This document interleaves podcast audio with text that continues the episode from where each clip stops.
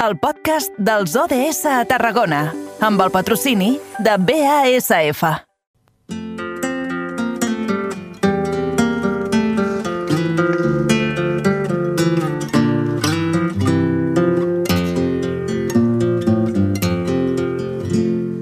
Lo meu riu és verd i blau i fa una curva suau quan creua la ribera. Omple de vida, omple de color, lo camp d'arròs i l'albereda. Lo meu riu ve Va, que seguim nosaltres enfocant la mirada al futur, al 2030, amb els objectius de desenvolupament sostenible. Avui ens quedem amb el número 13, que parla d'acció pel clima. Saludem a la nostra companya de la nova ràdio de Reus, l'Angi Aramayo. Angi, bona tarda. Molt bona tarda, Eduard. Què tal? Escolta, aquí encarem aquest uh, objectiu de desenvolupament sostenible, aquest ODS número 13. Qui ens acompanya? Doncs mira, com ja saps, cada dimecres aquí a Carrer Major el que fem és conèixer iniciatives que es realitzen des de les entitats mediambientals de territori. I avui volem conèixer com ha anat el primer concurs per a dissenyar una samarreta per l'Associació per a la Conservació d'Ecosistemes Naturals, l'associació CEN. Per tant, saludem al doctor Jesús Ortiz, president de l'associació. Bona tarda i benvingut, senyor Ortiz. Hola, bona tarda. Per situar una mica a l'audiència, ens podries explicar, ens podria explicar com ha anat uh, aquesta iniciativa i en què ha consistit? Sí, em pots tractar de tu, eh, tranquil·lament.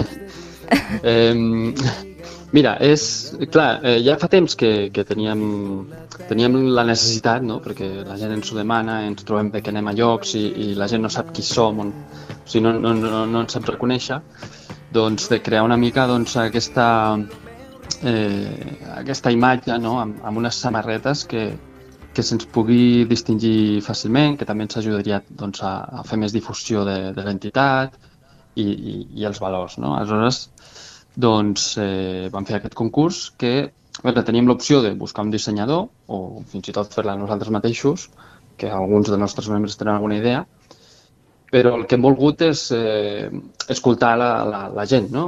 escoltar la ciutadania, doncs a veure què ens deien, què, què és el que ens intrigava, què és el que, com els agradaria que fos aquesta samarreta i uh -huh. quins missatges volien donar. No? Uh -huh. De fet, uh, la presentació de propostes es va tancar el dia 10 d'abril, uh, però quan es coneixerà la proposta guanyadora? Sí, doncs encara no tenim una data exacta, però, so, però serà una cosa bastant ràpida, potser segurament a finals de setmana o principis de la vinent, és a dir, no, no, no trigarem gaire. I, uh -huh. vaja, bé, en total hem, no hem tingut, eh, diguéssim, una participació massiva, però estem bastant satisfets, no? perquè ens han arribat moltes propostes de, de persones que, no, que nosaltres no, no teníem Eh, que no són del, del nostre cercle més, més proper, és a dir, no, no és una cosa endèmica, sinó que hem anat més enllà i ens s'han presentat propostes de, de persones molt diverses, molts nens, molts nens han participat, això també s'ha de dir, i, i a veure què passarà. Clar, serà una votació que farem entre no, no només la Junta, sinó eh, 11 persones que estan mhm. vinculades a, a l'entitat. Jesús, escolta una cosa, ara no, no desvalarem res, eh? ens esperarem a finals de setmana sí. o principis de la, de la que ve, però sí. uh, us, en, us ensumeu per on teniran els trets? És a dir, uh, hi ha propostes que uh, tenen ja forma de samarreta o propostes que tinguin més forma de samarreta que d'altres? Sí, sí, hi ha alguna que fa més bona pinta. No, no, uh -huh. no, no donaré cap detall, però perquè a més, clar, s'ha de fer, hem de fer la votació interna i, i valorar-ho. Potser, potser també que demanem, bueno, això ja ho dèiem a les bases, no? que potser demanem alguna petita modificació o el mm. lema també, perquè clar, hi ha, hi ha diferents elements, no? No és només la il·lustració, sinó que també encaixi doncs, amb, amb qüestions més de, de producció, doncs tema colors, tema, tema detall, tot això, tema, eh, després està el lema, després on posem el nostre logo, eh, són tota una sèrie de coses doncs, que, que haurem de treballar. No? -huh. Va, doncs ja ens, ja ens esperarem. Uh, a veure si sí, quedem tots amb la boca oberta quan, quan sigui el dia indicat. Esperem que sí. Però a, a banda d'això, Jesús, diria que aquesta no és l'única iniciativa que heu engegat aquest 2023. De fet, sembla que a partir de Setmana Santa heu començat a, a a moure-us més i de fet avui mateix publicàveu al vostre web la iniciativa Vols Empadrinar un espai natural. Ens podries fer un petit resum d'aquesta iniciativa i també per què s'ha de dir empadrinar? Sí, exacte. Mira, si et sembla bé, començo pel final. Diem, diem empadrinar perquè, clar, padrinar és com una mica patriarcal, no? I, i en el fons, doncs, som tot eh, mares i pares. Vull dir, volem, volem ser inclusius, que, que això és un, un, un dels valors que tenim integradíssims a l'entitat. Eh, tots han de fer de pares i de mares, de cuidadors de, dels nostre, de la nostra natura, perquè és, és superimportant per, per, per, per la nostra mateixa eh, supervivència i el nostre benestar. És essencial conservar els ecosistemes. Aleshores, eh, bé, empadrinar un ecosistema és un, un espai natural eh, es poden fer moltíssimes coses. Ara, amb aquest projecte, que, que hem, hem, a veure, vam, diguéssim que fa temps que funciona, però, però aquest any doncs, hem aconseguit finançament de la Diputació de Tarragona i això ens ha permès doncs, de poder oferir eh, més activitats, de, de, de poder dedicar més recursos perquè la gent hi participi i es beneficiï. No?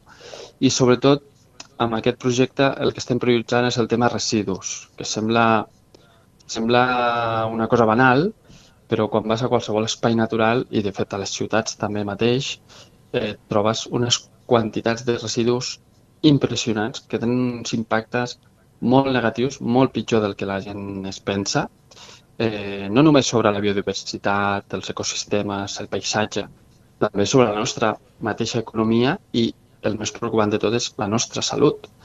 Perquè, clar, tots aquests residus uh -huh. eh, es, es, acaben entrant a la xarxa tròfica. Acaben, doncs, per exemple, els plàstics, és, les persones doncs, que no hi pensen i llencen una borilla al terra, un, una ampolla de plàstic, una bossa, una mascareta, qualsevol cosa d'aquestes, estan fets d'unes un, substàncies, doncs, per exemple, plàstics, per exemple, entre d'altres, les borilles també tenen molts altres contaminants. Uh -huh. Això és clar, aquests materials es van esmiculant, són consumits per, per petits bitxets, després els mengen peixos, peixos més grans, i tot això on va parar? Doncs al nostre plat. És a dir, ens estem contaminant a nosaltres mateixos i després eh, van sortint malalties que no sabem, ostres, eh, jo que sóc tan sa, faig esport, menjo, menjo bé, no fumo, i ara em surt un càncer. bueno, ah, potser t'has d'anar acumulant contaminants sense saber-ho, no? Uh -huh. De fet, uh, justament aquesta iniciativa no només uh, es dedica a un espai educatiu, perquè es, normalment aquestes iniciatives són per escoles, instituts, però vosaltres obriu la mirada i també l'obriu cap a entitats, empreses, administracions, fins i tot uh, grups d'amics. Llavors, Jesús, aquesta és la forma d'animar la gent a participar en la cura, empoderar-les perquè elles també tinguin cura de, de la conservació del medi natural? Exacte, sí, evidentment, com, com dius, el més fàcil és eh, anar, anar a escoles, a instituts, perquè allà tens, o sigui, ja t'assegures un mínim públic, no? que a més, sobretot el, els estudiants d'institut doncs, estan en una edat així més, més receptiva, que alhora són part del problema però també solució, estan, són molt sensibles, o sigui, són capaços de reaccionar, eh, però volem arribar a tot arreu. També, sobretot, trobem que és molt important, per exemple, les empreses, implicar les empreses en projectes d'aquest tipus i de fet ja, ja tenim algunes experiències amb, per exemple, la, el Dupont, que, que estan a Tarragona, tenen, tenen allà un polígon i ja, per exemple, ens han empadrinat un riu, no? I, i l'altre dia vam anar a fer una recollida de residus. Ara estem parlant amb altres empreses que, doncs, que també estan interessades. Hem d'arribar a tothom. O sigui, hem d'arribar a tothom perquè és un problema que ens implica a tots. Uh, per tant, eh, tothom, de, tothom ha de posar el seu, la seva voluntat i participar-hi i, i sobretot el més important d'aquest projecte no són les recollides de residus en si mateixes. El més important aquí és la sensibilització. El que volem és... No, no, no volem recollir molts residus. El que volem és arribar a un espai natural a fer una recollida de residus i trobar-nos que, ostres, està net. Això és el que volem aconseguir. Jesús, en els últims anys diries, però que hem guanyat en consciència eh, de preservació dels nostres ecosistemes? A veure, hem, hem, jo crec que hem guanyat molt des de fa, sobretot des de fa aquests últims 10-15 anys, doncs ha, ha millorat moltíssim la sensibilització. O sigui, no, només cal mirar aquests moviments, per exemple, els Fridays for Future, que, que han sortit, sí. que han ressorgit, de persones que no tenen cap vincle amb la, amb la natura, que no, que no tenen cap formació, senzillament són persones que estan preocupades pel seu entorn perquè estan veient coses doncs, que, que estan evolucionant, que tenen una tendència molt eh, negativa. Eh, jo crec que hem millorat molt, però falta molt, falta moltíssima feina perquè una part molt important de la ciutadania és, és, és aliena a tots aquests problemes, no s'adona de que realment vas a la natura i està tot ple de residus, entre altres problemes, però ara avui estem parlant d'aquest. Doncs uh, va a veure si de mica en mica uh, aconseguim, més enllà de conscienciar, aconseguim doncs, això incidir directament sobre uh, la vida de tothom en general, per tal sí. de poder contribuir directament a, poder disposar d'una natura en la seva màxima esplendor, natura, sense deixalles ni, ni porqueries. Jesús Ortiz, president de l'Associació per la Conservació dels Ecosistemes Naturals, gràcies un cop més per fer-nos confiança i per xerrar amb nosaltres aquests minutets. Moltes gràcies. Bona tarda. El camí al 2030, que el tracem entre tots, i l'acció pel clima hi té molt a dir. Àngela Mayo, ho haurem de deixar. Escolta una cosa, abans no t'escapis, abans no marxin. Tots els camins comencen i tots els camins també acaben. I precisament avui n'acaba avui n'acaba un.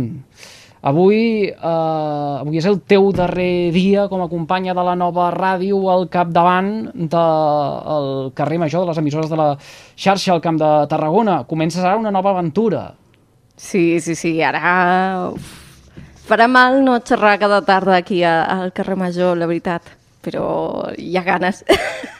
Doncs escolta una cosa, que tinguis molta sort en tots els projectes personals, laborals que vinguin a partir d'ara. Ha estat un plaer eh, poder compartir tantes estones de ràdio amb tu aquí a, a Carrer Major. Uh, els millors desitjos uh, que fem tot l'equip del programa.